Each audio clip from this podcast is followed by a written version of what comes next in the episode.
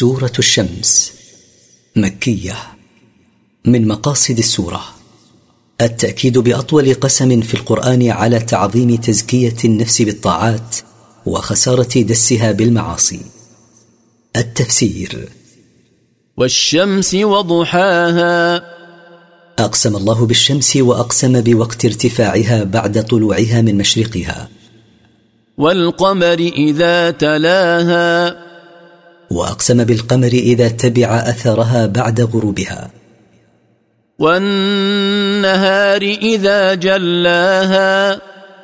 وأقسم بالنهار إذا كشف ما على وجه الأرض بضوئه. والليل إذا يغشاها. وأقسم بالليل إذا يغشى وجه الأرض فيصير مظلما. والسماء وما بناها. وأقسم بالسماء وأقسم ببنائها المتقن.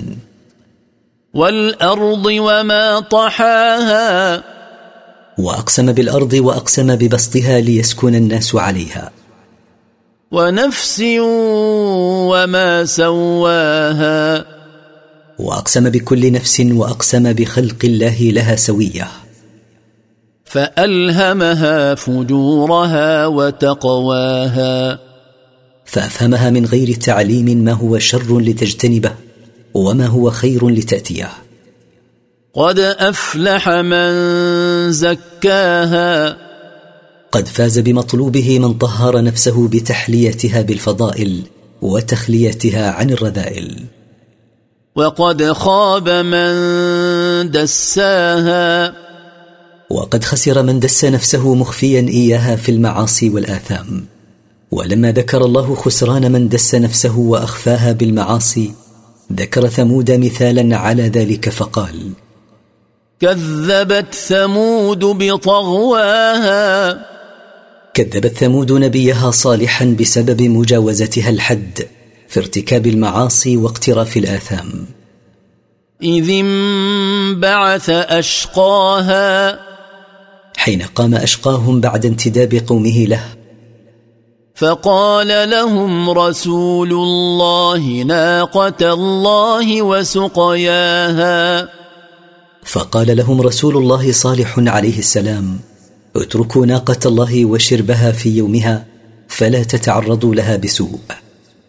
فكذبوه فعقروها فدمدم عليهم ربهم بذنبهم فسواها. فكذبوا رسولهم في شأن الناقة فقتلها أشقاهم مع رضاهم بما فعل. فكانوا شركاء في الإثم فأطبق الله عليهم عذابه فأهلكهم بالصيحة بسبب ذنوبهم وسواهم في العقوبة التي أهلكهم بها. ولا يخاف عقباها. فعل الله بهم من العذاب ما أهلكهم غير خائف سبحانه من تبعاته.